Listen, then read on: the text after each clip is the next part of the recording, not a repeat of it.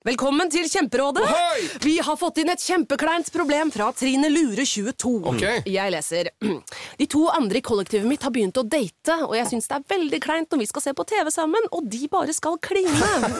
Ok, ja, Yes. Hvordan skal hun løse dette? Siden Trine Lure er under 30, får hun jo ubegrenset data fra Telenor fra 399 kroner. Da Da kan hun sette seg på sitt eget rom, streame så mye hun vil på mobilen. Ja, hun kan jo se på nye mobilabonnement på telenor.no. Ja, det er lurt.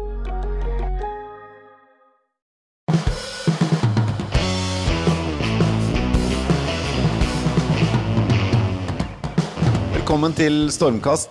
Petter, vi kjører eh, andre halvdel av eh, liveshowet vårt fra forrige uke denne gang. For en fantastisk kveld. Ja, helt utrolig. Stinn brakke, mm, kjempestemning. Eh, Men det var jo bare eh, 1500 mennesker kanskje som fikk anledning til å være der. Det var eh, en helt vanvittig stemning. Vi holdt på i nesten tre timer. Det var en del mer enn vi hadde regnet med at vi skulle holde på, men tiden gikk. Tiden gikk, og eh, nå har vi jo tenkt å sende den andre halvdelen, som jeg kanskje syns er den som er morsomst å høre på.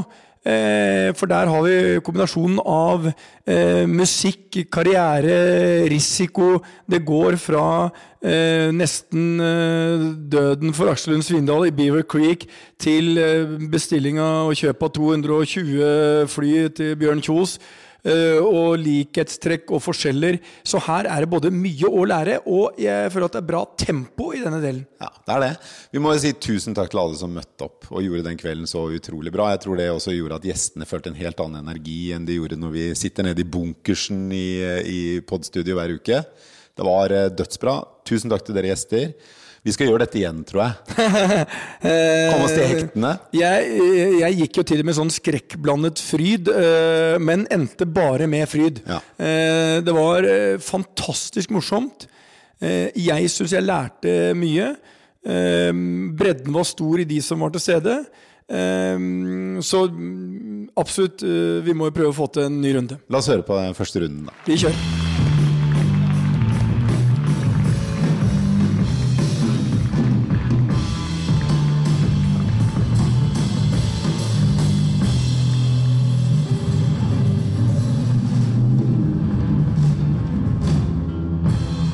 Er sånn at eh, det å lage en hit, det er utrolig vanskelig. Nei, altså nå Hit er det ikke Å lage en hit Det er vanskelig. Vi står på en hit her, The Hub. TIF er en hit. Amerikaliner er en hit. Ja. Altså, Men ikke er sånne hits. Å lage en musikalsk hit. Sanger. Det er vanskelig, det. Ja, jeg har alltid drømt om det, å være rockestjerne. Yes, jeg òg. Vi har ja, ja, Når jeg ikke tagga, så spilte jeg gitar. Fy faen, du ser ut som en føtter rockestjerne. Du, eh, vi har to av de fremste norske låtskriverne gjennom alle tider. To artister som har hatt en lang og svært vellykka karriere bak seg som både låtskrivere og artister. Og de har mange år foran seg. Ta vel imot Espen Lind og Ina Wroldsen.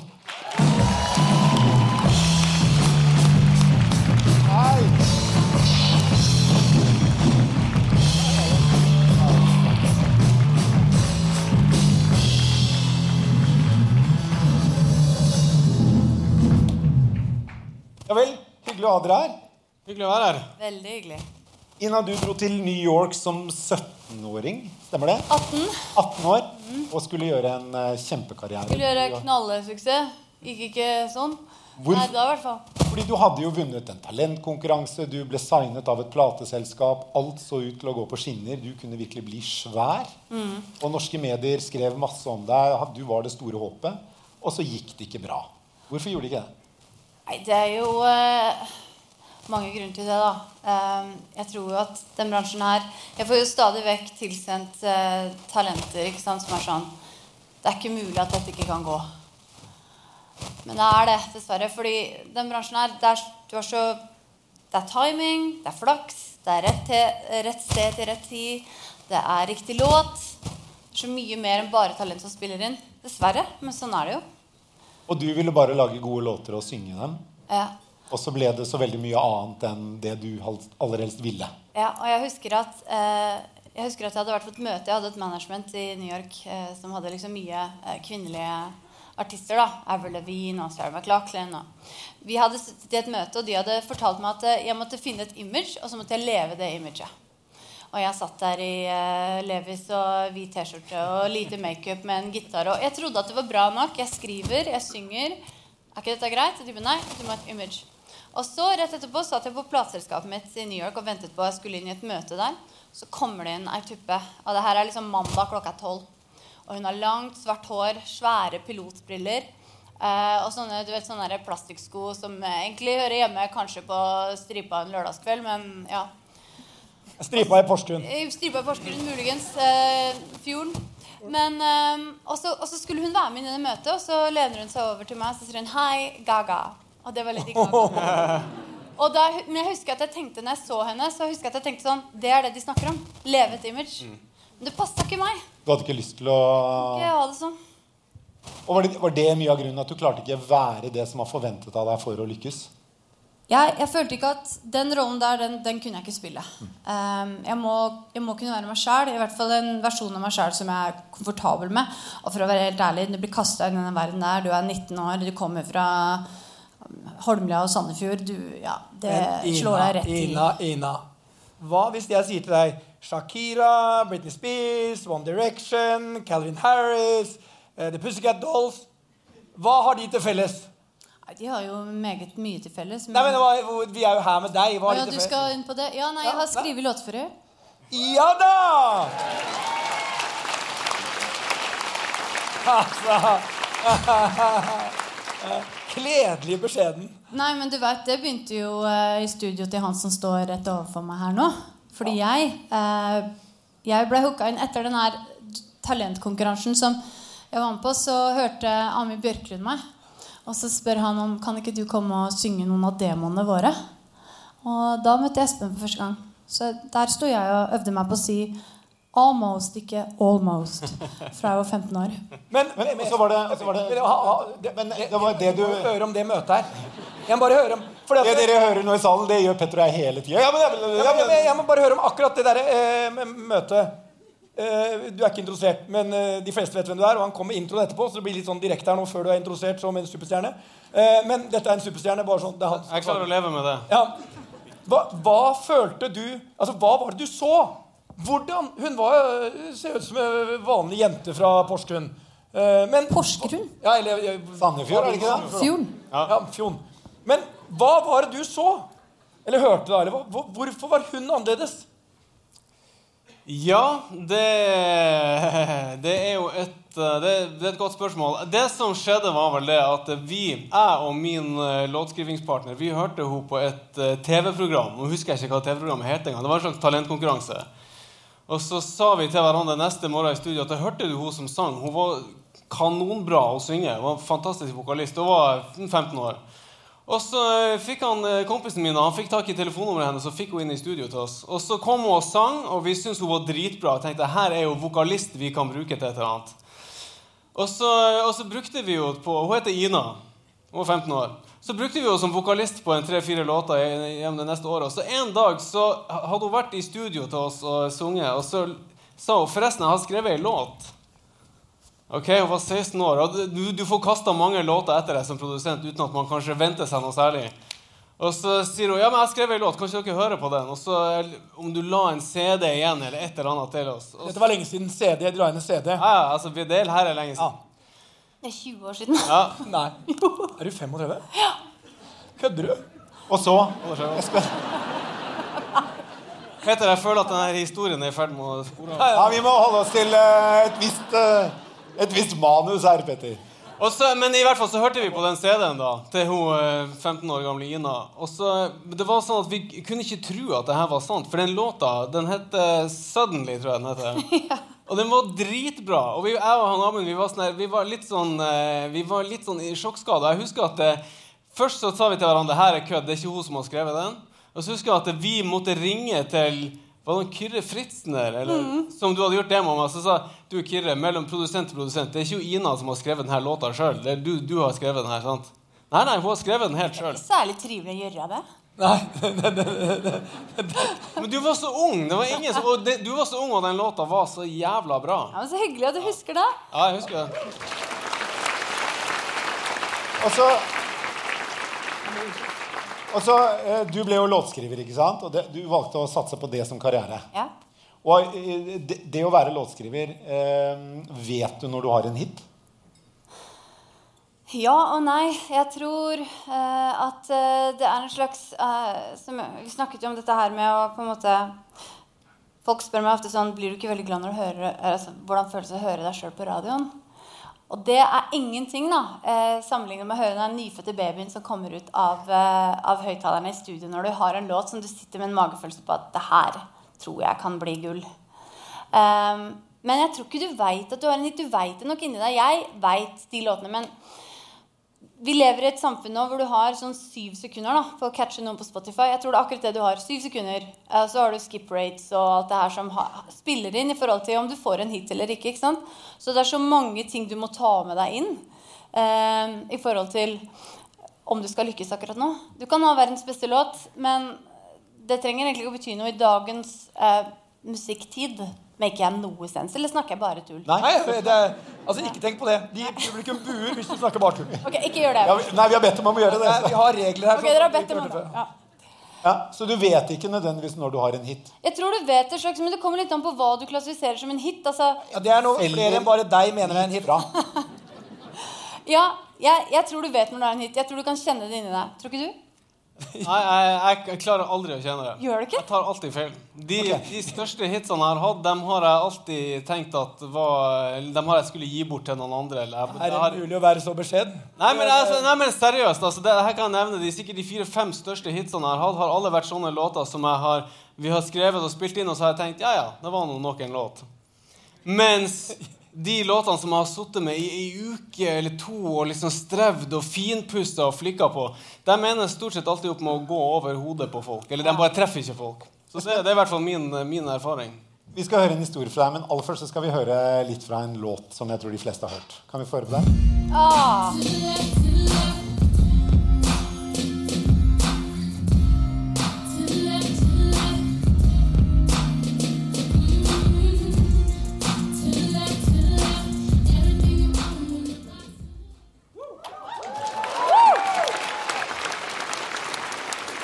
Den låta, Espen, den har du skrevet.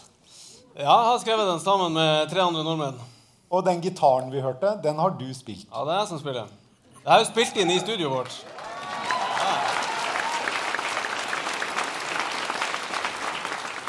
Det er jo helt fantastisk, og det er en av Beyoncés aller største hiter. Den var, lå på eh, toppen av Billboard-lista i ti uker, tror jeg. Ja, noe sånt. Hennes, en av hennes to-tre største hits noensinne. Men den hadde en utrolig trang fødsel. Ja. Kan du fortelle litt om Ja, hvordan den ble til? Altså, Det er en lang historie, men jeg kan prøve å komprimere den litt. Det, det, det hadde seg sånn at uh, I utgangspunktet så skrev jeg denne låta sammen med Amund Bjørklund og uh, Stargate. Tor Erik eh, Hermansen og Mikkel Eriksen. Så skrev vi den, og så fikk vi en eh, amerikaner som heter Neo til å skrive teksten. Og så, og så spilte vi den inn, og vi syntes det her var en litt sånn artig kombinasjon av Vi følte at vi nesten hadde laga en slags countrylåt med et uh, R&B-beat. Vi men følte jeg at elsker den historien, for er det ikke sånn at Nio hadde en uh, Er det ikke søsteren hans som denne teksten kom fra? Ja, det vet jeg ikke. Det kan godt hende. Ja, fordi Nei. Det, Men vi må ha korte. Songwriting nerd. Ja, i alle fall, Og så, og så uh, syntes vi låta var bra, så vi sendte den over til management i USA. Vårt management Og sa kan ikke prøve å pitche den her. Se om du finner en amerikansk artist som kan spille den inn. Så etter ei uke så fikk vi melding tilbake at ja, faktisk Beyoncé har hørt låta. Hun digger den, så hun skal spille den inn. Og det er klart, Da begynner du å tenke med en gang liksom, hva kan jeg bruke de her pengene på. Du dro rett til Ferrari-butikken, du. Du bestilte nytt lydstudio med en gang. Det er helt riktig. Og, så, eh, og så sendte vi da mastertapen med innspillinga vår over til, eh, til hennes studio i New York, og hun la på sin vokal og sendte den tilbake til oss. Og jeg husker at når jeg hørte i studioet vårt på Sagene, når vi hørte da for første gang låta vår med hennes vokal komme ut av høyttalerne, så skjønte jeg at det, det her er grunnen til at Beyoncé er en av verdens største artister. Fordi at hun hadde tatt ei låt som i utgangspunktet var sterk, men bare med å være til stede på låta, så hørtes det ut som en million dollar. Ikke sant? Og Hvor så mye tjente du på den? Det kommer. Ja, vi, her, vi, dette er en økonomipodkast. Oh, ja? Ha, men er det sånn eh, Ja, men vent, vent litt nå, fordi vi må Vi, vi, vi har et par uh, grunner til at den var veldig trang, denne fødselen. Greia det, vet du, at jeg, jeg så Ei uke etter at uh, vi hadde fått beskjed om at hun skulle ha den, så ringte manageren, oss, eh, manageren hennes og sa at folkens, jeg har en litt dårlig nyhet. Hun har hørt litt mer på hun og funnet at hun liker den ikke allikevel. Så den blir ikke med. Ja, Det er ganske hardt, men sånn er det. Sånn. Ja, ja. Så må man bare liksom uh, tørke, av, uh, tørke støvet av og gå videre. Og så gikk det en ny uke, og så ringte han manageren tilbake og så sier han, folkens, ja, nå har hun vært ute på landstedet sitt i Hamptons og hørt mer på låta. Hun liker den egentlig ganske godt. Så nå, nå er den kommer med på skiva. Ok, tenkte vi. Fantastisk. Jo, interessant måte å lage plate Kjøpe eh, lydstudio igjen. Ja, ja. Et Og så, og så tok det en ny uke, og så ringte han samme kisen en gang til. Og det, Folkens, ja, det her er jo kjedelig, da, men nå har hun hørt enda mer på låta. og Hun liker den ikke. Den kommer ikke med på plata. å, Herregud. Ja, og det gikk så langt som at uh, albumet hennes var ferdig. Det ble presentert for musikkbransjen i USA. Det ble presentert til New York Times og Billboard Magazine uten at vår låt var med. Og Siste kvelden før skiva gikk i trykken, så er det en av de andre eh, produsentene på plata, han, Swissbeat, som er gift med Alicia Keys, han spurte sjefen i, eh, i, Colombia og sier han, den låta til nordmennene, er ikke den med? Og så sier han nei, det, vi har ikke tatt den med. vi synes ikke den er noe bra. Og så da er det han som da, Swissbeat som da sier at faen, er dere gærne? Hvis dere ikke tar med låta til nordmennene, så er dere idioter. Det er den største låta på skiva. Og da i siste øyeblikk før skiva gikk i trykken, så ble altså låta vår klemt inn som jeg tror nummer 11 av 12 på skiva. Og så kom første singelen ut, som ikke var vår, og gikk som passelig bra. Og så kom singel nummer to ut, som ikke var vår, og tryna. Nummer tre kom ut og tryna, og skiva var i ferd med å gå under. Og så til slutt så klarte de å slippe Irreplaceable, og så ble det hennes største hit noen gang. Wow!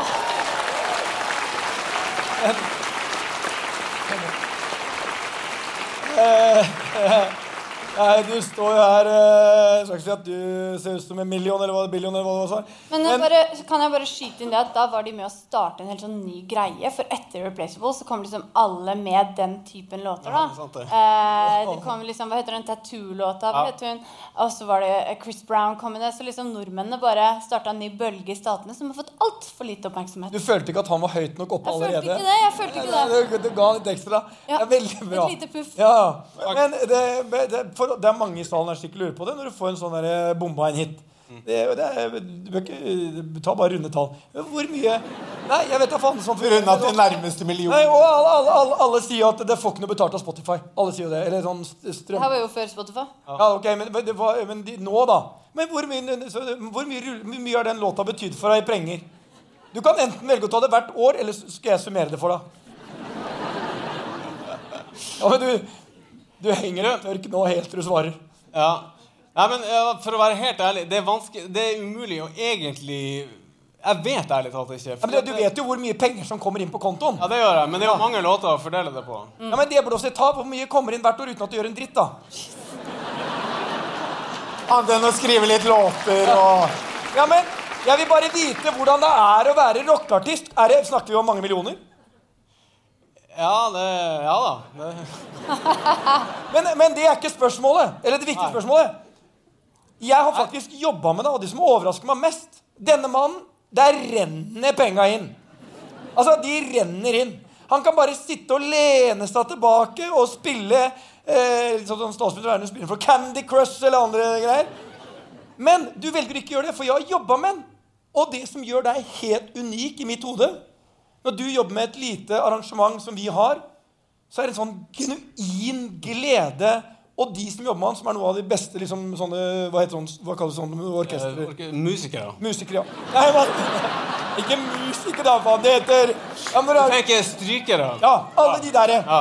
Men han jobba med de der med også øh, sånn. Ja, Ja. Hele de. Og de sa at det var en enorm ære å få jobbe med han.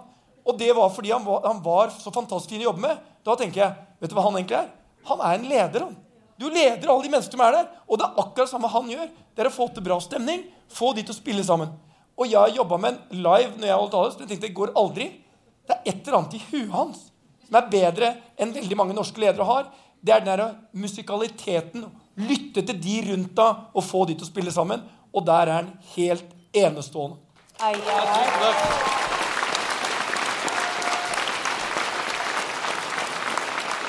Noe av det noe av det går jo på, på timing, vil jeg tro, og det å forstå eh, kundens behov. Eh, Petters behov i det tilfellet her. Men eh, det, du, da vi snakket sammen i går, Ina, så snakket du om et nesten, det høres nesten ut som sånn mitt anbud for låtskrivere. Hva betyr det?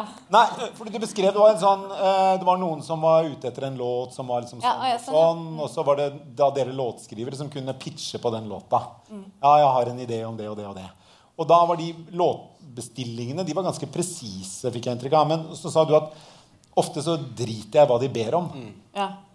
Du får, jo disse, du får jo disse Who's Looking Lists, heter det. Så eh, du får liksom en liste med den og den og den artisten skal lage plate. De leter etter en låt som skal være sånn og sånn og sånn. Men jeg har aldri fulgt det briefet, fordi ja, den ene gangen jeg gjorde det, så skjønte jeg at når, når de kommer, så, sånn, sånn, som, sånn som Espen sier, da. Beyoncé fram og tilbake, fram og tilbake, fram og tilbake. Um, så så hvis du, det eneste jeg tenker når jeg skriver en låt, er å levere det beste jeg har.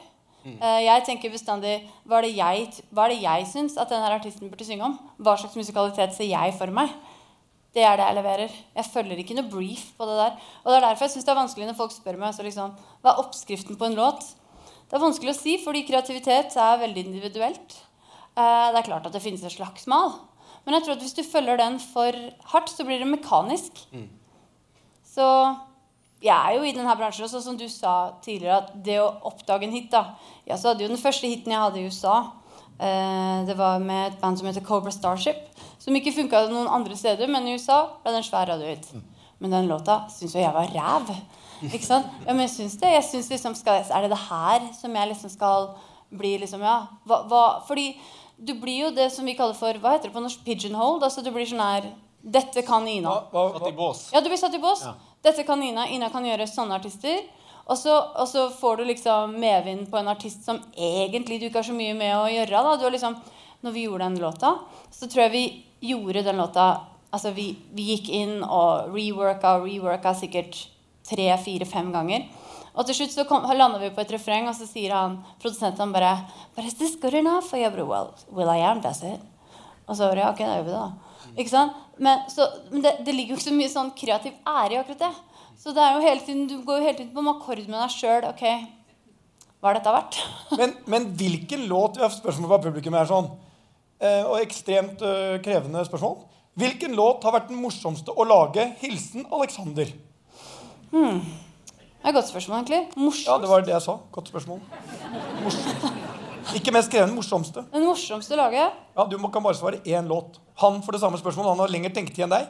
Det går ikke sånn Ja, 50 det er veldig, 50, veldig dårlig gjort. Um, det tror jeg kanskje faktisk må ha vært uh, Strongest. Fordi den låta var så veldig sånn Det var sånn eh, Jeg måtte sette meg inn i en rolle. Eh, det der, Strongest ha, ha- handler om en venninne av meg. Hvordan går låten? Den, den spilte du i stad. Den begynner jeg ikke å synge nå, Petter. Oi, nei, Ble spilt før vi eh, kom på her med dere. Eh, men avslørte egentlig hvor dårlig jeg er. Eh, men, men ikke sant? For da var det hun satt Jeg satt hjemme hos henne, og mannen hennes hadde akkurat gått fra henne. Og hun satt der bare He sits there with this look on his face like he's fucking won. Og jeg bare tenkte Here is a song, keep going. Og hun bare And then like I, I get up in the night and, and my kid is like Mom, Mommy, daddy gone? Og jeg bare That's it, daddy's gone. Og så, og så måtte jeg liksom sette meg sjøl inn i den. Dette er vakkert! Dette er vakkert. Ja, men hvordan hadde jeg hvordan, eh, hvordan hadde jeg håpet at jeg skulle reagere i den situasjonen her? Hvem skulle jeg ønske at jeg kunne være? For du, du kan jo skrive deg sjæl til en superhelt. ikke sant? Jeg veit ikke åssen jeg hadde reagert. Jeg, hvis han hadde gått, jeg skulle prøvd å ta kverka på han. Men Ina, hvis du mangler inspirasjon til neste låt, bli med hjem på en middag med meg og ja, det, det vil jeg gjerne. Du har et album, ass! Du har et album. Skal det skrives? Ja. Altså eh, Petter, Ja, men han må svare. Nei, han må ikke svare på det. jo, men jeg, du har jo plan. Ja, ja du! Jeg, eh, jeg, jeg lærte en ting her. Du tok ikke poenget. Jeg lærte en eh, ting her av han som skrev eh, boka mi. Altså, Man tror at jeg skriver selv. Jeg kan ikke skrive. Så han het Jonas Forsang. Han lærte meg ideen om eh, cliffhanger. Og jeg tok en liten cliffhanger på deg akkurat i stad. Du tok den ikke. Nei, jeg er ikke smart nok. Ok, her kom. Nei, jo, du, du er smart nok. Men den var, den var litt dyp. Så det var, Ok. ok. Dette er poenget. Følg litt Ja Ja. Jeg var i Spektrum. Der var Espen. Ja, det er ikke det som er poenget. Smekkfullt, Svær scene. Så var det en bitte liten scene.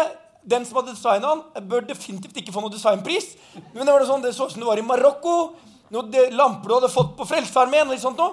Så sitter Espen Sané der sånn, og så kommer han. Og så får han en sånn liten, fjollete gitar. Det er ikke gitar der. Og jeg ba Jan Fredrik om her nå. Dette er jævlig bra. Det er ikke samme.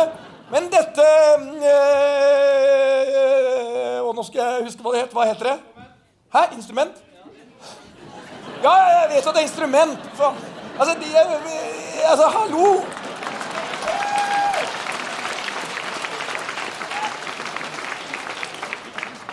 Nå må du sikkert stemme den også. Jeg har stemt den, så skal være helt perfekt. Men ok. Så bra. Ja, men, ja, men, ja. men eh, musikk det kan noen ganger være magi. Og nå har de her de, Vi må gi dem noe bonus. ok? Og bonus skal være Han gjorde én sang på denne eh, Hva heter det? Ukulele. Ukulele. Og det, han gjorde et greie på denne ukulelen som var Ja, som var drit... Det blir ikke riktigere når du sier det flere ganger, Petter. Ukulele. Ja, u, sa jeg ikke det? Nei, Nei, ukulele, sa du. men, hvor, men så er spørsmålet til alle dere supersmarte her sånn Hva er overgangen mellom meg som kapitalist, som velger dette instrumentet, til at han skal spille det på? Det er ett navn. Altså Verdens rikeste person spiller på dette samme instrumentet! Ja, Warren Buffett gjør det. Warren Buffetts favorittinstrument. Og jeg tenkte å få Espen Lind til å gjøre den samme magien her sånn. Må vi ha noe stor Karlsen? Mikrofon? Har vi musikk? Vi er hjemme, ja. ja. Her, ja. Her. Eh, må man ha stol, kanskje? Stol? Hvem kan stol? Okay. Jeg kan stå her. Her er uh, ukulelen. Og da, da skal jeg gjøre en intro. Spektrum var fullt, men der sitter du 100 meter fra superstjernen Espen Lind. Men akkurat her i dag, live i The Hubs, så skal dere få han, og han skal gjøre Hva heter sangen? Samme sangen. Og han skal gjøre sangen jeg tenkte på da jeg kastet meg opp ut på en zipliner. Scared of Heights, Espen Lind!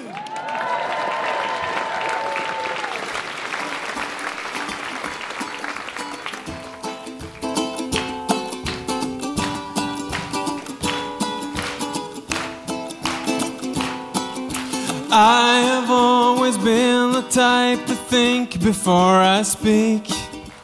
I have always been the type to look before I leap.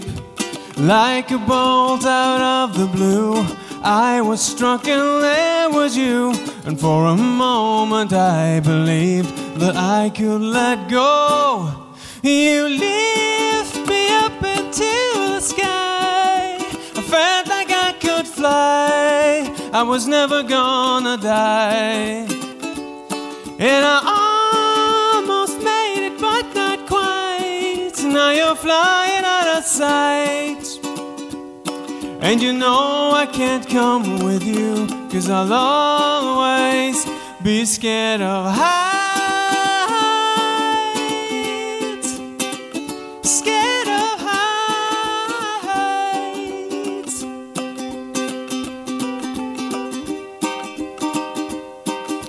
I wish I never knew how great it feels up in the air. And I wish I'd never got to feel the wind blow through my hair. But in my dreams, you'll always be flying high along with me. And in my dreams, I'll always feel like I can let go. You lift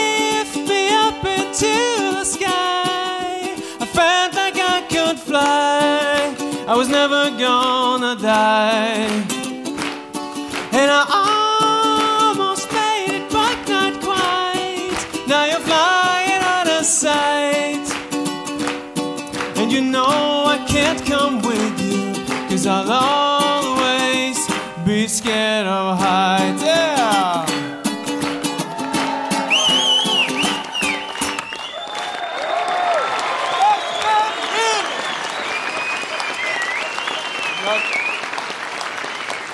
Skal dere ha, Espen Lind, Ina Wroldsen.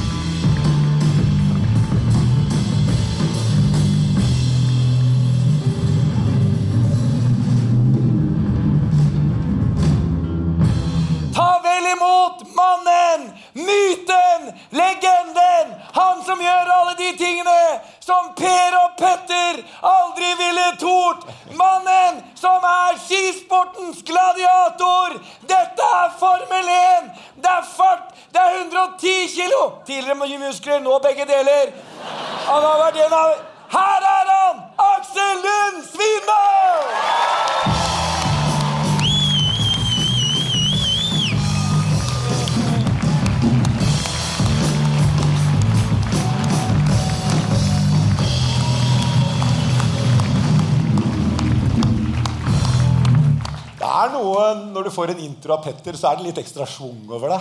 Litt ekstra schwung og litt nervøs for hva som kommer. Ja. Eh, God miks. Du, det vi så her, eh, Aksel, det var jo da du falt under en, en treningsrenn i Beaver Creek i USA. Eh, tilbake i 2007. Uh, ja, desember 2007. Um, jeg, alle vet jo at det er eh, ekstremt farlig å kjøre utfor. Og det fallet her viser jo hvor mye risiko det ligger i selv et lite feilskjær. Kan skje ting du ikke engang er i stand til å forutse. Kan ikke du dra oss gjennom risikoanalysen din av den løypa? Av hele løypa i Beaver Creek? Ja, altså For kortversjonen av Beaver Creek frem til det henget der. Uh, Kortversjonen i Beaver Creek er toppen er et parti som passer meg perfekt. Det er liksom ganske slakt og mye terreng. eh, lang, så jeg kan bruke terrenget til min fordel. Uh, svelge kuler, trykke på baksiden av kuler, få hastighet. Er det Eh, fett er fart? Eh, nei, du må være atletisk. Vet du. Skal ha noe Du er, tyngde er viktig. Tyngde er viktig. Så kan du velge på en måte hva den tyngden består av. Men uh, fett er, eh, funker, det jo faktisk. Det gjør det. Men uh, fett gir deg mer luftmotstand, da, for at uh, muskelfiber er jo tyngre på en måte per enhet. Du har bare definert starten. Og det var det, du, Ja, jeg vet. Du avbrøt meg. Men eh, La Aksel snakke litt Petter. Nei, Analysen min er at det er et parti jeg er jævlig god på. Så på toppen i Beaver Creek kan jeg kjøre fra de andre uten å ta ekstra risiko. Eh, så det er et område hvor du må gi alt. Og så kommer det et veldig bratt parti som er veldig teknisk, eh, hvor det er mange som er eh, like gode som meg, kanskje bedre. Type Kjetil Landsrud er en person jeg må, jeg må jobbe hardt for at ikke han skal kjøre fra meg de tre første svingene der. Fordi han er, har en annen kropps... Ja, litt annen teknikk som gjør at det er et par svinger der særlig. da altså, Nå høres det ut som to svinger er ingenting, men de to svingene er på en måte porta står 100 meter fra hverandre. da, Så det er, det er ganske langt. Og det går fort. Ja, det går litt fort. Ja, hvor, hvor fort går det når du sier fort? Eh, nei, vi, altså For oss da, så er vi, veld, vi er veldig vant til å kjøre i 110. Uh, 120 liksom begynner å kjenne at det er uvanlig. Uh, og så opp mot 130-40. Det er liksom veldig uvanlig. Og så har vi et parti i Sveits som det går opp mot 160. Og det er sånn det gjør du én gang i året. på en måte Så det er veldig uvanlig. Veldig vondt. Veldig uvanlig. Um, og det rare der er at, du, at det er vanskelig. For at luftmotstanden blir så stor at du finner ikke balansen. Så det er, men det var et sidespor.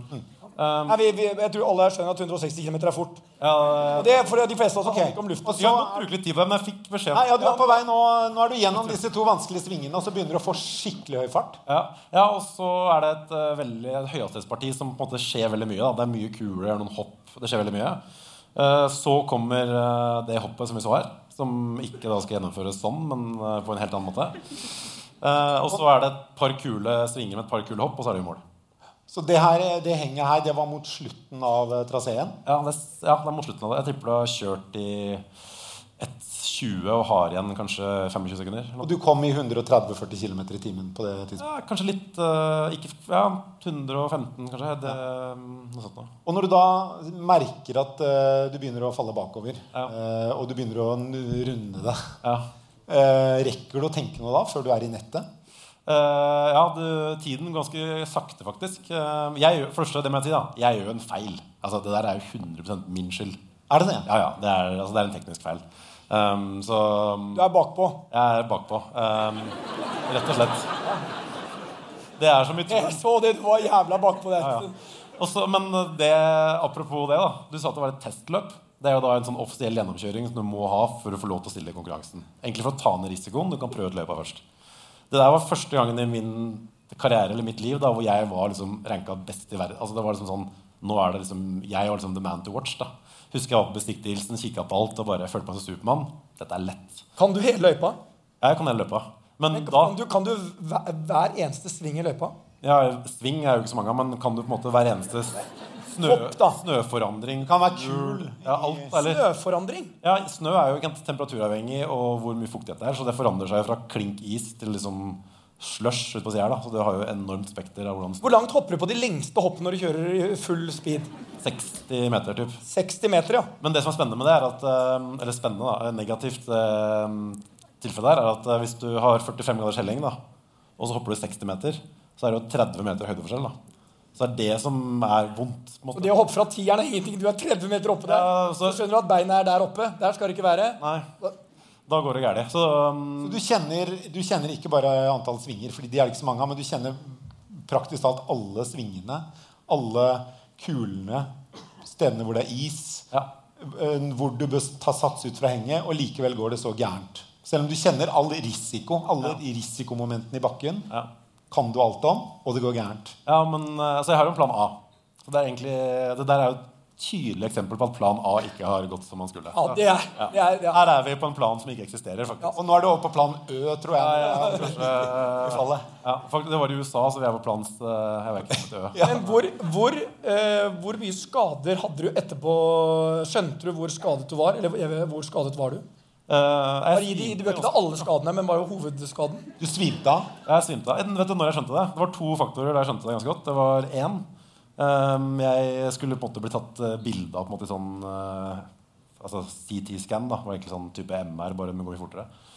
Uh, hvor jeg begynte å miste kontroll over kroppstemperaturen. Jeg, liksom, jeg var inn og ut av bevissthet, Men så plutselig så svetta jeg på en måte kuler. da Og jeg hakka tennene i løpet av ti sekunder. Opp og ned, opp og ned. opp og ned Og det er sånn Det her har jeg ikke vært med på før. Det er Alle kan være med på at det er annerledes. Eh, det, men da var det ikke Men så neste jeg husker, er at jeg lå, på, liksom, lå i fosterstilling på sånn akuttmottaket. Og så le, er det sånn lege som lener seg ned foran meg, tar ned det der munnbindet, og så ser han på meg og sier at uh, altså, han, han snier masse sånne ting på latin ikke sant, som alle leger gjør for å liksom Berolige, da. eh, Eller høres eller at- smart ut, kanskje. Da høres det ut som de har peiling. Ja. Liksom Alle navnene på latin. Og bare, dette er. Men, så det skjønte jeg egentlig ikke en dritt av. Helt til han sa ja, forresten, så har du eh, fire til fem brudd i ansiktet. Og, så, og det kunne jeg skjønne. Altså, jeg var litt sånn der, faen, det lover jo ikke så jævlig bra for det første. Da, hvis på en måte, fire til fem brudd i ansiktet er en sånn Han holdt på å glemme det. på en måte for det, Det var ryggen du landa på. ja, det var jo det. Men jeg fikk knærne i ansiktet jeg landa. da. Så de hadde på en måte knekt ansiktet, eller delt av ansiktet. Mm. Um, men det som er rått, du sa du kjenner risikoen, du kjenner alle aspekter. Det er fair. Uh, og du, men du tror jo Det som er så rått, er at det, er rått, rart, egentlig Når du kjører, så må du jo tøye grensene, ellers går du ikke fort. Uh, eller fort nok, er vel kanskje riktig å si.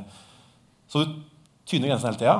Og så er det veldig mange øyeblikk hvor du får det- sånn sting i magen.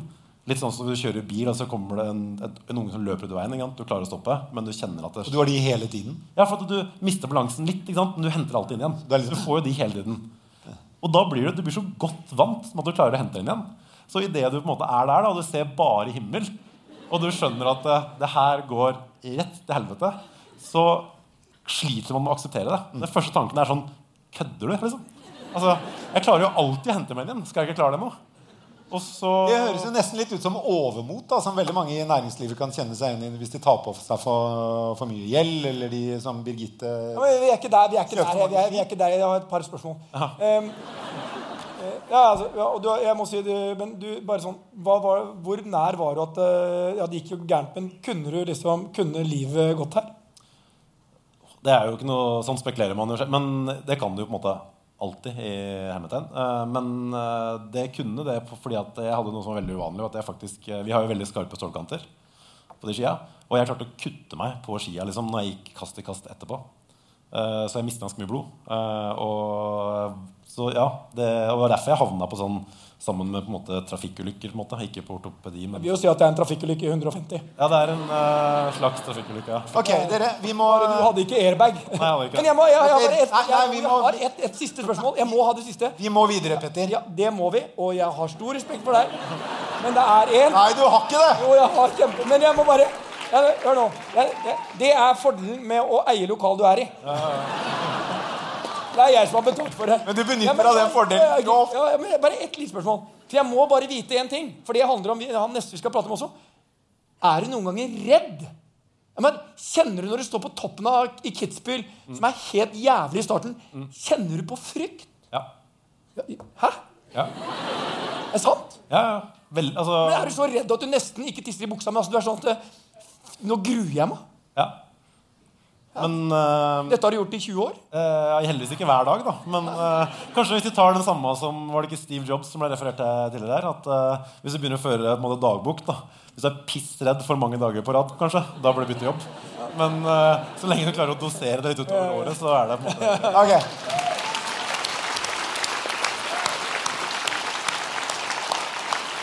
Petter, du har en liten nyhet, du. Nei, jeg, jeg, jeg, øh, øh, jeg Vi kjenner hverandre litt, og jeg har en, en verdensnyhet faktisk å komme med. Eh, det er øh, Jeg har gått inn i forlagsbransjen.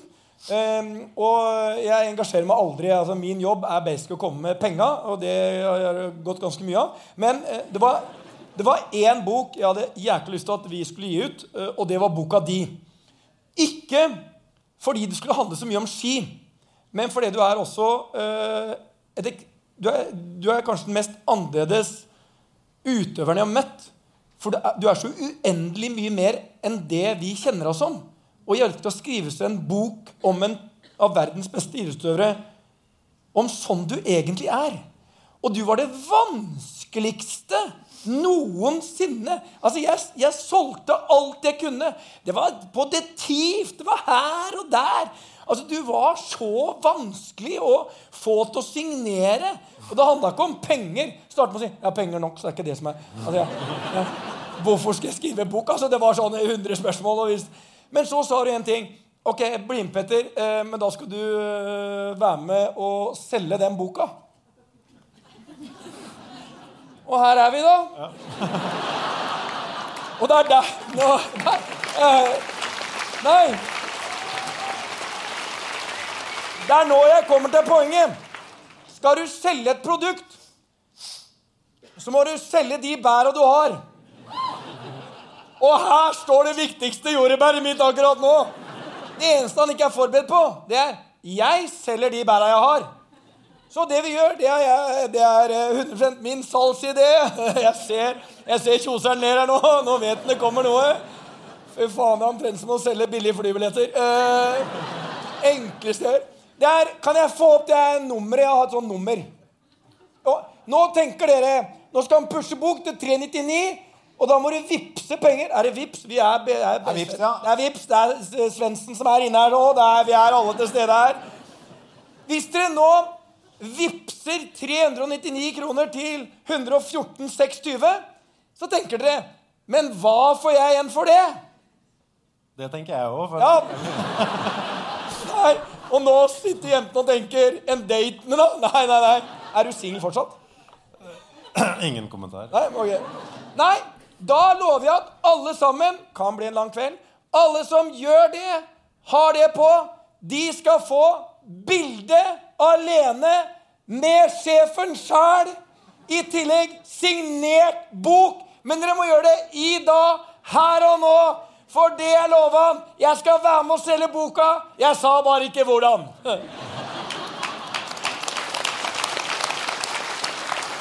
Det er bra. En tilleggsopplysning er at dere selvfølgelig får bilde med Petter også. Og tusen takk. ja. Og ti utvalgte får lov til å kjøre ned Beaver Creek med Aksel Lund Svindal. Vi skal komme tilbake til Beaver Creek, faktisk, men, eh, men før det så må vi hente opp eh, vår andre fantastiske gjest i dag. Og da skylder jeg å gjøre oppmerksom på en ting. Det er at Storm Communications, eh, hvor jeg jobber, vi har en kunderelasjon til Norwegian. Men det er definitivt ikke derfor Bjørn Kjos er her i dag. Petter. Ja, nå har du sagt det, og det er sikkert den der Vær Ja, varsom, må ekstra Vær varsom-plakaten. eh, punkt 4b. Kom igjen da, Petter. Nå er du i, nå er du i slaget. Nå kan du ta over. Kan jeg ta den introen? Ta den introen. Ok. Skal jeg gå? Jeg... Nei, nei, nei, nei, nei jeg vet, nå vet jeg at du har noe på atten din der sånn.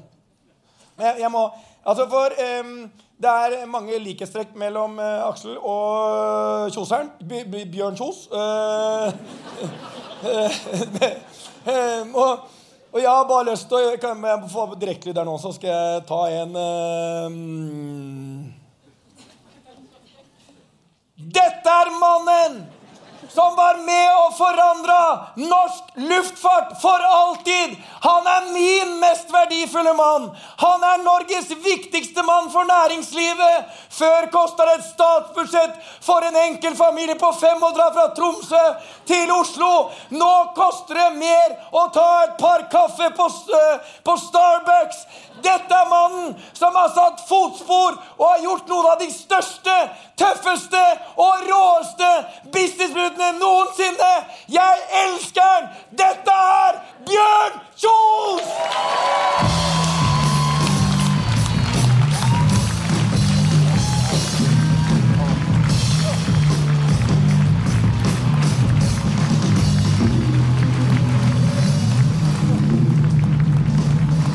Jeg må si der jeg må si der, der hadde du og jeg et Jens Stoltenberg og Trond Giske-øyeblikk. Ja, jeg så det.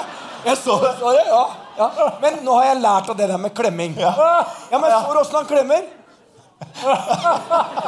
Du må jo du må, Det var så bra. Ja, jeg må være offensiv from the get-go, men det var veldig hyggelig å se deg igjen. Ja, ja, men det var bra du tok det. Jeg så han sto Ja, ok. Å bli left hanging med 1200 mennesker i salen. Ja, helt feil. Det er så jævlig. Ja, men ikke tenk på det. Nå må vi gå til saken. Nå er det første gang du har vært litt utafor i dag. Bjørn, du eh, er jo kjent for ikke bare en eventyrlig gründerreise fra å ta Norwegian fra et bitte, bitte lite flyselskap til å bli en dominerende flyaktør i eh, Europa. Eh, Du har tatt over tronen eh, fra SAS, og, det er jo ikke så vanskelig akkurat i disse dager. Og, da smaker noen av oss på gammeldagse flybillettpriser også. Men det er en fantastisk reise. En ganske viktig del av den reisen har vært din ekstreme vilje til å ta risiko. Vi har et oppslag her på, fra Dagens Næringsliv tilbake i hva er det? Hvilket år er det, Bjørn? 2012, tenker jeg. 2012, ja. Da du tenkte du hadde forhandla om å kjøpe en 70-80 fly. Endte opp med å kjøpe 372 fly. Er det? Var det det? Ja, fordi de var så godt pruta. Jeg trodde det var 220, men ja, Det er det. Du skal aldri tro på det de har i avisa. Men Men hvor mye kosta de 220 flyene? ja, det er det jeg ikke kan si. Vet du. Jeg har skrevet under sånn Nei, men Var det omtrent Det var sånn 100 milliarder type. Ja, mye koster det ett fly, da, hvis jeg skulle kjøpt et sånt fly? Det er Dreamlineren. Jeg kjøper en Dreamliner, kommer, Petter skal fly, Dreamliner. Ja, Den koster eh, Du må nok uh, over, godt over en milliard. Du må det, ja. Hvor mange kjøpte du? Jeg kjøpte ikke 220, det var faktisk nær å gå. Det etterpå kjøpte Dreamlinere. Ja, men Hvor mange fly kjøpte du den gangen, da? 220. 220. Ja, Og så får du litt rabatt. Får litt Ja, Da Er det å kjøpe mye, Og så kommer det en gjest hos meg som skal bo 476 000 døgn, så får han litt rabatt. Ja, det gjør det. Men altså, dette var tidenes største beslutning noensinne av en norsk industrileder. Ja, Tidenes største kjøpsordre av noen nordmann. Hvordan, eh, hvordan føltes det da du eh, tok det som utvilsomt var en risikabel beslutning? Jeg hadde jo egentlig eh, veldig god magefølelse. Jeg visste at det var ikke mange ute der som greide å kjøpe billigere fly enn oss. Det, det, der, det tror jeg Altså, Hadde dere kommet inn sånn til meg, så hadde dere fått billige fly av meg også. Mange fly skal Men ja, men det, En ting er jo at de var billige, men du skulle jo fylle disse flyene også. Ja, men jeg hadde jo et, uh, mulighet til å selge, selge en, eh, en svær tank der oppe. Så det var litt av tanken din. At du kunne bestille så mange fly, og så kunne jeg selge dem hvis det gikk gærent. Ja, Vi fikk samme problem de hadde med Maxen her nå. Det var litt sånn der ståling i mikrofonen. Sånn. Jeg tror kanskje at det hjelper litt nå, eller? Ja, mulig. Det er, uh, Arnsen, dette har vi snakka mye om. dette har vi snakka mye om. Hva du gjør for å komme på scenen, det er jo helt ufattelig. Ja. Tre på den greia der. God mann inne her nå. Tusen Takk for den! ja. Nå er du Du er på nå. Nå er jeg på. Du er på. Ja, nå tar vi siste finjustering. Der er du på. Ok, Så Uh, du kjøpte 222 fly eh, fordi de var så billige, og du kunne selge dem hvis du ikke fikk behov for alle. Men det er jo like fullt en utrolig stor risiko å ta for et selskap som den gang var et ganske lite flyselskap. Ja, øh, kjøpte hunden 200, men 100 av dem kunne jeg ta ut eller inn. Så jeg kunne lease dem ut. Og jeg visste at det var ingen som hadde kjøpt billigere fly enn meg, så jeg visste at jeg kunne lease ut 100 av dem. Og så hadde jeg 100 fra før av. da. Så de, de hadde tenkt å bytte ut. Så du skulle bytte ut dem, ja? Men eh, Så risikoen var egentlig ikke så svær som den ser ut til. Nei? Var den ikke det? Nei. Men det er jo, vi har nettopp hørt at du kan kjenne hver dump i en, en, en utfordrertrasé og likevel gjøre en feil. Ja, og så veit du ikke alltid hvor de jævla, hva som har skjedd med de snøene etter no, noen andre har kjørt foran deg. Og det var jo det vi oppdaga òg. Vi fikk jo noe eh, smeller, for å si det veldig pent. Det var noen motor eksempelvis som ikke virka. Det er noe drit på fly. Ja. Én ting er å ha litt is i rubben, men når motor ikke funker på fly, det er helt, det er, si er helt uh, Pleier å være en ulempe. Nå var det de vi skulle leie ut, som ikke virka, da. Ja, det er bedre. Ja, Men det var jo likevel du som satt med ansvaret for dem og måtte eh, betale regningen for det. Nei, De blir så veldig forsinka. Og det er, liksom, det er alltid et sånn timing. Det er akkurat sånn som Petter kan alt om, og, og Aksel og ikke sant? Alt har med timing å gjøre. Men uh, timingen forsvinner litt når du blir forsinka i to år, det du gjør. Ja. Men, men, men jeg, jeg bare lurer på en ting. Det er eh, eh, ba- det mange av dere ikke vet Jeg vet ikke om jeg skal si det nå, men jeg har vært ute hos Bjørn på kontoret hans. Og det som er helt fascinerende Du tenker på du møter ledere. Noen av de har sånn passe innsikt i hva som skjer i butikken, og noen har ganske god innsikt. Han derimot har en sånn der whiteboard. Der er alle flyrutene. Han, altså, han, altså, han vet om han vet flytte fly og sånt noe. Helt fascinerende. Jeg kan liksom ikke flytte et hotell. Det er det som er fint med fly. Du kan flytte rundt. Og det er Malaga. Der putter vi på to nye fly. Ett Alicante, ett der. Ja, Det er ikke så mye gjester der nå. Flytter det. Eh, er du fortsatt der? Mange fly har du nå? Som er oppå nå, i dag har du, nå, er, du- nå er alle flyene Nå går det så det griner. 180. 180. Har du oversikt over nesten eh, de 180 flyene hvor de går? Ja. Har du det? Men jeg må bare Har du fortsatt den ta- tavla? Ja, men det er litt mer komprimert nå. Ja, ja. Komprimert? Får du 180 fly? Nei, jeg, jeg, jeg følger flyene daglig med en sånn app, vet du, som jeg kan, så jeg vet nøyaktig om de er 15 minutter forsinka eller osv. Men er det sånn at du vet når flyet fra Oslo til Tromsø går ned i morgen? Ja, stort sett. Ikke, ikke nå, eh, eh, nå har vi over 500 ruter da, som går i, eh, over Europa. Så bare over Europa. Så, Så det er blitt litt vanskeligere å ha det er litt oversikten. vanskeligere, men jeg vet ganske nøyaktig når jeg går fra Tromsø. Men vi må jo innom Men, men, men Bjørn, vi må innom Én ting er at du er helt ekstremt viktig for næringslivet i Norge. eh, og for hele liksom, infrastrukturen. Eh, men hvordan er det for deg å stå i det gjennom de siste 24 månedene? Altså, jeg kan, jeg kan nesten ikke klare å forestille meg det sjøl. Det enorme presset, medialt, økonomisk, alt, fra du står opp om morgenen til du legger deg på kvelden. Sover du godt? Jeg så da mener at du legger huet på putta og så er borte. Altså, eh, Når vi får alle maksene våre parkert, eh, da sover du ikke godt. Det, det kan jeg si. Og eh, Først så hadde vi to års forsinkelse på, på de flyene vi skulle leie ut. Og når vi var ferdig med det, det styret der, så fikk vi beskjed om at masse, hele Dreamliner-flåten måtte inspiseres omtrent hver tredje dag. Eh, Masse forsinkelser og my- mye, mye dritt. ikke sant? Og, og så kommer opp på toppen av det, så står eh, maksene. Ja, altså jeg kjenner det, Vi hadde vannlekkasje her når vi åpna. Det er litt av samme greiene. Men da er det jo eh, Du hadde jo um, um, Det har jo gått veldig mye Dere har hatt veldig mange stang ut i, i, i markedet de siste årene. Og dere har også måttet hente inn egenkapital Altså hente inn mer egenkapital eh, gjennom aksjeemisjoner to ganger det siste året. Og egenkapitalandelen i Norwegian er jo nå veldig lav. Den er på rundt 3 Birgitte snakket jo i sted om at den var, på, var rundt 40% i, i Golden Ocean. Det er jo en helt utrolig risiko å ta for et så stort selskap. Hvordan oppleves det som leder? Det spørs ikke hvordan flyene dine finansierer. Vi flyene vi kjøper stort sett er finansiert med, med eksportkapital. Så det er- liten risiko i finansieringa. Så i mye av den gjelden er det ikke så mye risiko? Og så for å si det på en annen måte, Hvis du hadde finansiert huset ditt like billig som jeg finansierer en Dreamliner, så hadde du slått til. Ja, Men jeg hadde ikke kjøpt 222 av dem, Bjørn. Nei, nei, nei. Du snakker til en mann som er totalt risikoavers. Ja. Du har grensen risikoavers og risikopervers, og han er helt i den ytterligheten. Andre går og vurderer lenge om han skal kjøpe seg en ny dress.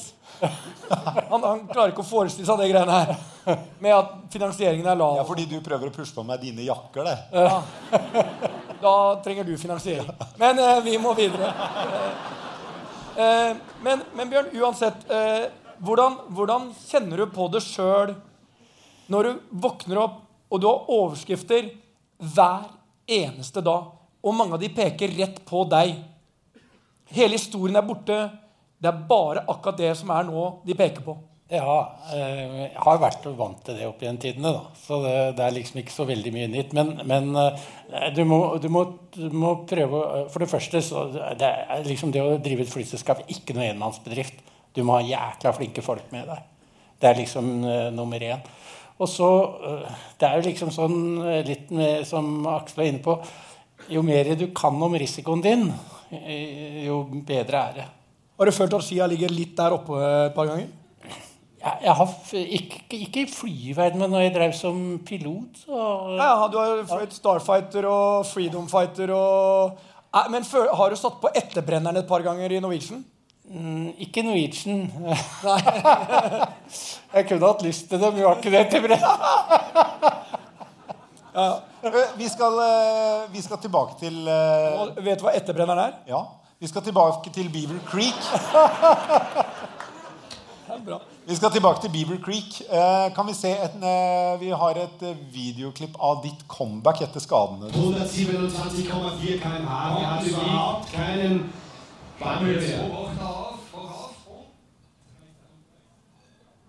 Det er ditt heng?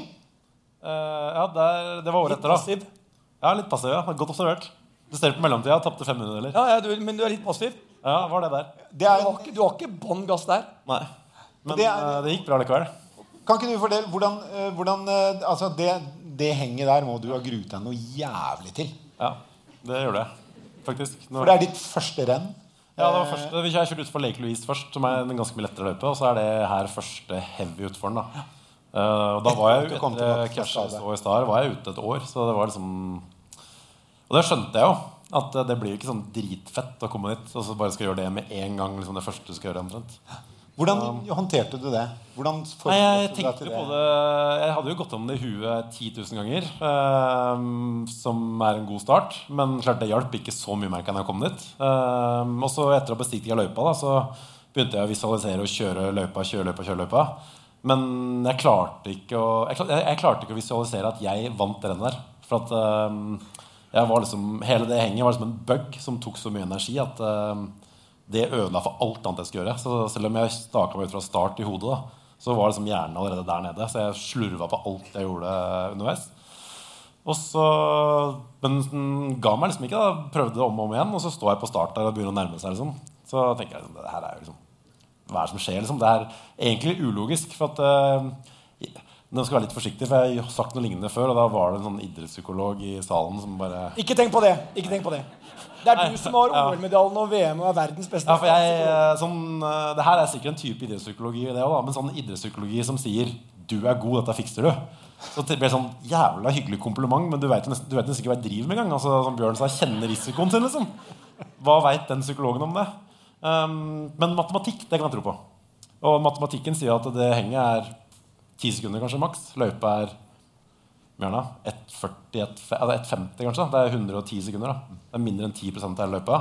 Skal jeg la liksom 10 ødelegge for rest, alt det andre? Um, så, så fort jeg liksom tok de 10% la det ut til sida, tenkte at det er en helt sånn enkeltstående greie. Kjørte de resterende 90% i hodet. Uh, Bånn gass. Og så når jeg kom ned dit, så flytta jeg meg bare over de andre 10 Og tenkte at nå skal jeg få lov til å ta det litt rolig, for at jeg var så jævlig rå på det jeg akkurat gjorde. Så kjørte jeg de liksom bort på sida der, og så hoppa jeg tilbake i de normalløpet da, og ga bånn gass eh, inn mot mål igjen. Bånn gass. Ikke tenk på det. Bånn gass. Ja. For bare, kan, du, må, bry- altså, du må bryte det ned til noe du kan få hodet ditt rundt. da Og jeg klarte ikke å få hodet mitt rundt at jeg skal vinne Beaver Creek, for jeg er pissredd. Og du ser jo på det henget at du, du bare lar deg falle. Du tar ikke i. Jeg, jeg vet ikke om jeg lot meg falle, for det ville vært uh... Ja, nei, det er kanskje feil ord å bruke. ja. Men jeg tok det pent. kan vi si da Jeg uh, passet, egentlig tok bort risikoen. Reiste meg opp uh, litt tidligere, tok litt mer luft, passa på at jeg dempa hoppet bra, landa trygt, og så kunne jeg på en måte kjøre igjen. Og det, gikk jo bra. Det gikk bra. Du vant. Jeg vant.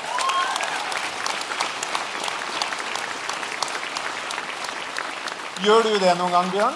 Du kan- ut risiko? Nei, vi kan jo skyte inn det. Jeg hadde jo lunsj med, Det var på sommeren. Jeg hadde lunsj med, med Aksel nede i, eh, i Miami. Eh, og eh, der er det ikke mange skigåere. Men jeg er helt sikker på Han ble jo ganske kjent over hele USA. For minst ti stykker som skulle ha autografen her mens hans mens vi satt og spiste lunsj. Ja. Dere kjenner jo hverandre fra alpinmiljøet, dere. Ja, jeg har kjent den i mange år. Blir din sønn eh, står alpin, eller gjorde? Eh, ja, jeg gjorde i sin tid. Ja. Vi har hatt mye kjøkkenborddiskusjoner om eh, ja, risiko eller Ja. så det Jeg har et spørsmål til begge fra salen. Kan begynne med deg, Bjørn. Skal du kjøpe bitcoin, eller skal du kjøpe flymaskin? Eh, jeg velger eh, det bitcoin. Godt, eh, godt spørsmål, men vi lager et sånn vekslingsautomat som veksler bitcoin. Jævlig overraska. Du kjøper bitcoin. Ja, hva ville, hva ville du gjort? Kjøpt ny eh, utforski eller kjøpt bitcoin? Nei, jeg uh, Du har lagt opp nå? Jeg har lagt opp nå, så jeg trenger ikke en utforski. Men jeg ville fortsatt kjøpt utforski, faktisk. For eh, jeg, uh, jeg Risiko som jeg ikke skjønner meg på, den uh, liker jeg ikke. Men jeg har et spørsmål langt utenfor uh, det vi har diskutert her. sånn. Jeg har sett noen av de mest spektakulære uh, greiene du har gjort når du kjører freeride eller kjører utafor hvor det er et eller annet sånn langt borti stand. Ja, Alaska. Alaska, ja, det er langt borte. Det er ingen kjører. Kom med helikopter, tatt, tatt, tatt, tatt, finner et sted. Ja. Én ting er når du kan vurdere terreng og sånt noe, men der er det én risiko du ikke kan vurdere, og det er ras. Ja. Og du kan ikke kjøre sånn småsvinger, Nei. for da raser det. ja, eller i hvert fall raset tar deg igjen, på en måte, for raset går jo fort. Da. Ja, så ideen er du må kjøre så fort at raset ikke tar deg igjen. Ja, ja. Aller helst ikke raset i det hele tatt. Og du, eh, det er bare mell- eh, mellomspørsmål. Du er veldig glad i livet. Eh, ja, det er et veldig, ja, jeg er det faktisk. Og jeg er ikke så glad i risiko heller, faktisk. Det er åpenbart. Jeg så en av de facene, eller en av de sidene du kjørte ned, som var stup bratt, og du kjører i gigantsvinger. Hva er risikoen akkurat der og da? Risikoen for skred eh, er eh, håndterbar, for den har vi altså, Det er noen få ganger i året du kunne kjøre akkurat det fjellet der. Og det her var en av de dagene hvor det, vi mente risikoen var innafor. Jeg hadde venta i tre uker, på en måte, så det var ikke sånn det var ikke bare Skalaen er én til fem. Hva er risiko? Risiko? Eh, la oss si at uh, risikoen for skred er kanskje bare én eller to. på en måte, For der er det så sinnssykt store konsekvenser hvis det går skred. Uh, men den risikoen for at du tryner på toppen der på en måte, For det å gå liksom kast til kast nedover sida Hvor bratt er det? Nei, Det er såpass bratt at du stopper jo ikke flere er bånn. Hvor mange grader er det da? Nei, Det er fem? Ja, eller mer, kanskje. Mer? Ja. Altså for de av dere, Det bratteste i Holmenkollen er 36. Dette er følelsen av Og 55. Det er fucking rett ned. Ja, men det er, du, Når du står der, det er rett ned. Men det er ingenting jeg har gjort med enn å kjøre på ski. liksom. Så hvis jeg tar litt stor risiko å kjøre på ski Hvis du tar litt stor risiko når du finner ut hvor du skal ha et nytt hotell, så tenker jeg at det er en kalkulert risiko. Men den er det DNB som tar, da. Ja, det er greit. Det er DNB som Det har er liksom ikke reell Ed som eier skia dine, som tar risikoen Det er din. det faktisk ikke. Men uh, jeg føler jeg har nok kontroll til at det er verdt eh, risikoen. Aksel, nå har du jo, eh, som etter at du slutta med alpinkjøring, så har du involvert deg mer i investeringer. Du investerte en del før du sluttet òg. Mm. Og en av de tingene du virkelig har tjent mye poeng, penger på, er jo banken til Bjørn. Mm. Norwegian er jo er det, er det din største eh, suksess? Uh, ja, det er det. Ja.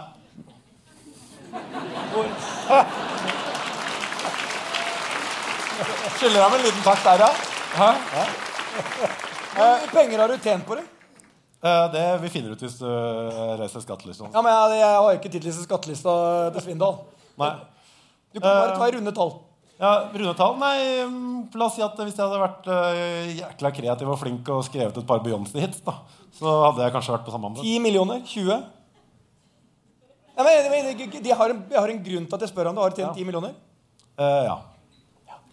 Hvor lenge må, mye må du stå på ski og øh, røre med trening og sånt og før du tjener 10 millioner?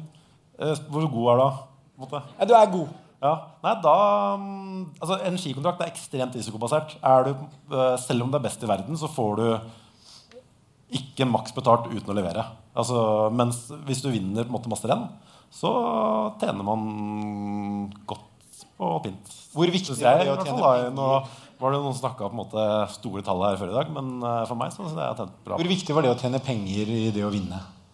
Ikke viktig i det hele tatt. Men uh, i en forhandling er det viktig. For når jeg sitter det kan Ja, det har jeg merket. Eh, Men, eh, Det er de berømte ordene. Jeg er ikke opptatt av penger. Og så kom smørbrødlista.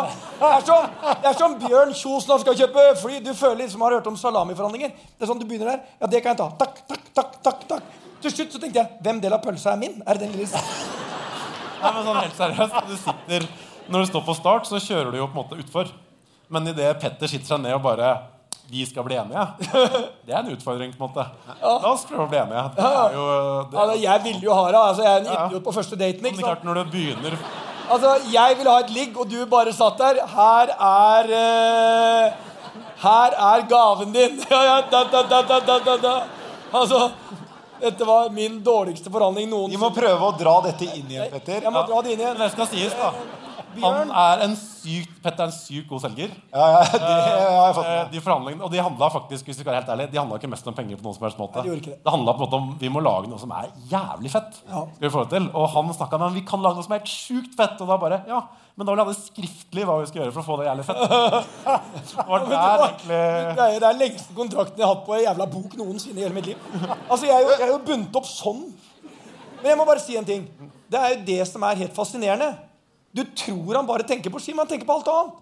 Eh, Alt han går med Det er kanskje ikke den du har på deg i dag, da, men du har- lager jo Er det det, ja? Ja, men du lager jo klær. Det er sånn der, eh, Hva er det du kalte det? Eh, Svinis? Svinis. Jeg Tenker du på navnet på det? Nei, Greater than A heter det. Det var nære, men uh, ganske langt fra Svinis. Ja, ja, det, å, herre Jesus. Ok, men Petter, nå må vi faktisk begynne å ro dette i land her. Vi er, ikke bare er vi på time up, står det på skjermen der. Det, uh, så vi må, vi må begynne å rulle dette i land. Men uh, Bjørn um, i, i Risikoen i Norwegian nå, hvordan håndterer du den, og hvordan sover du om natta nå? Jo mer du vet om risikoen, jo bedre kan du sove. Altså, jo, jo dypere du graver deg inn i disse tingene, jo mer forstår du av det. Og, og du, jeg, når, jeg alltid, når jeg går inn i noe, så er jeg alltid en plan B. Til og med når, når de der jævla maksene blir satt på bakken, så hadde jeg en plan B. altså. Hadde du en plan hvis Max-flyene ble satt på bakken? Før de ble satt på bakken? Ja, fordi at eh, vi har sett eh, eksempelvis på andre flytyper, nye flytyper, og det er så lett å bli problemer med å ut, eh, skifte ut motorer. eksempelvis. De er sikre som bare det, men du må skifte dem så mye. Og, og vil vi få noe av de problemene med Maxen? så kom det på en annen variant. da. Ok, så Hvordan sover du nå? Ja, nå, jeg sover jo bedre nå, da. For nå er vi inne på plan B. et spørsmål. Tror du at vi en gang kommer til å få ståplasser i fly? Nei. Men jeg har sett sånne flygreier hvor du kan stå i nå. Som han der favoritten din eh, snakker om. Ja, det, det er bare for å få overskrifter. Nei, det, det fins ikke på tegnebrettet engang. De gjør ikke det? Nei. Ok. Ok. Uh... har gjerne hatt noen ståplasser, jeg. altså, Jeg har jo foreslått eksempelvis at vi har jo på Dreamlinera så har vi masse køyer oppe. vet du, for, eh, Køyer? Køyer, ja, sånn kabin. Folk klager på at det er dårlig plass. Nei, for at uh, kabinen kan sove i, i, på skift, ikke sant? Og jeg foreslo at kan vi ikke fly litt kortere leie ut de der, leie ut de der sengene der. Ja, litt sånn som Emirates Suites. liksom. At du Mye ligge bedre. Mye bedre. Det er bedre. og så tenk på alle de Ja, du har jo jo en flott betjening da, også oppe, oppe der. Ikke begynn å gå den veien. Eh, Som kan komme og servere deg Som kan komme og servere deg hva du vil. ikke sant? Okay. ja, det var den veien vi ikke skulle gå. Nå tenker jeg mat og Dette var kun i ditt hode inntil du sa det. ja, ja. Ja, ok. Vi går videre. Ja, Vi går mot slutten. Eh, dere, tusen takk skal dere ha for at dere kom. Aksel Lund Svindal og Bjørn Kjos. Eh, lykke til. Takk skal du. Ja, skal vi.